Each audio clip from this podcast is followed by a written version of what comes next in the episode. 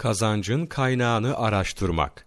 Kişi kazanç yollarına girerken, para kazanacağı yolun bilinen bir yol ve dinin hükümlerine göre de mübah bir kazanç yolu olmasına dikkat etmelidir. Yaptığı alışverişte para alırken takvanın gereklerine uymalı, hıyanet, hırsızlık, fesat, gasp, aldatma ve hileden uzak durmalıdır. Bu yollardan birine giren kişi, helal olan kazancını harama çevirir. Bir kimse bu hususlardan kaçınır, bunları gereği gibi yaptığı görülmez veya bir kimse onun adalet sahibi olduğunu bildirmezse, bu kimsenin kazancı şüpheli olur. Bununla birlikte, yukarıda belirtilen haram kazanç yollarından birine girme ihtimali bulunduğundan, bunların kazancı helal olmaz. Çünkü takva ve vera sahibi kimselerin oldukça azalmış olması sebebiyle, bu kazancın aslının ne olduğu hakkında kesin bir bilgi bulunmamaktadır, ancak bu kazancın helal olma ihtimali de vardır. Şöyle bir hadisi şerif nakledilir.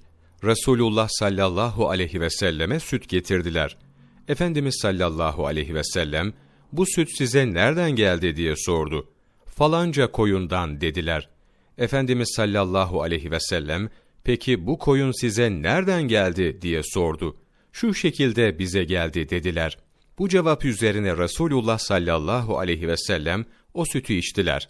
Sonra da şöyle buyurdu.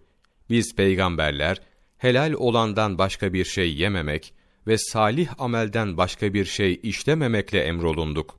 Nitekim Allahu Teala peygamberlere helalden yiyip salih ameli emrettiği gibi ey iman edenler size verdiğimiz rızıkların temiz olanlarından yiyin buyurarak kullara da emir buyurdu. Bakara suresi 172. ayet. Resulullah sallallahu aleyhi ve sellem kendisine bir şey geldiği zaman bunun nereden geldiğini sorar, ayrıca o şeyin asıl elde edilme şekline varana kadar öğrenirdi. Ancak bundan ötesini araştırmazdı. Çünkü bu hem çok zor ve hem de işin hakikatini öğrenmek kolay değildir. Ebu Talip el-Mekki, Kalplerin Azığı, Cilt 4, sayfa 506-507, 28 Ekim Mevlana takvimi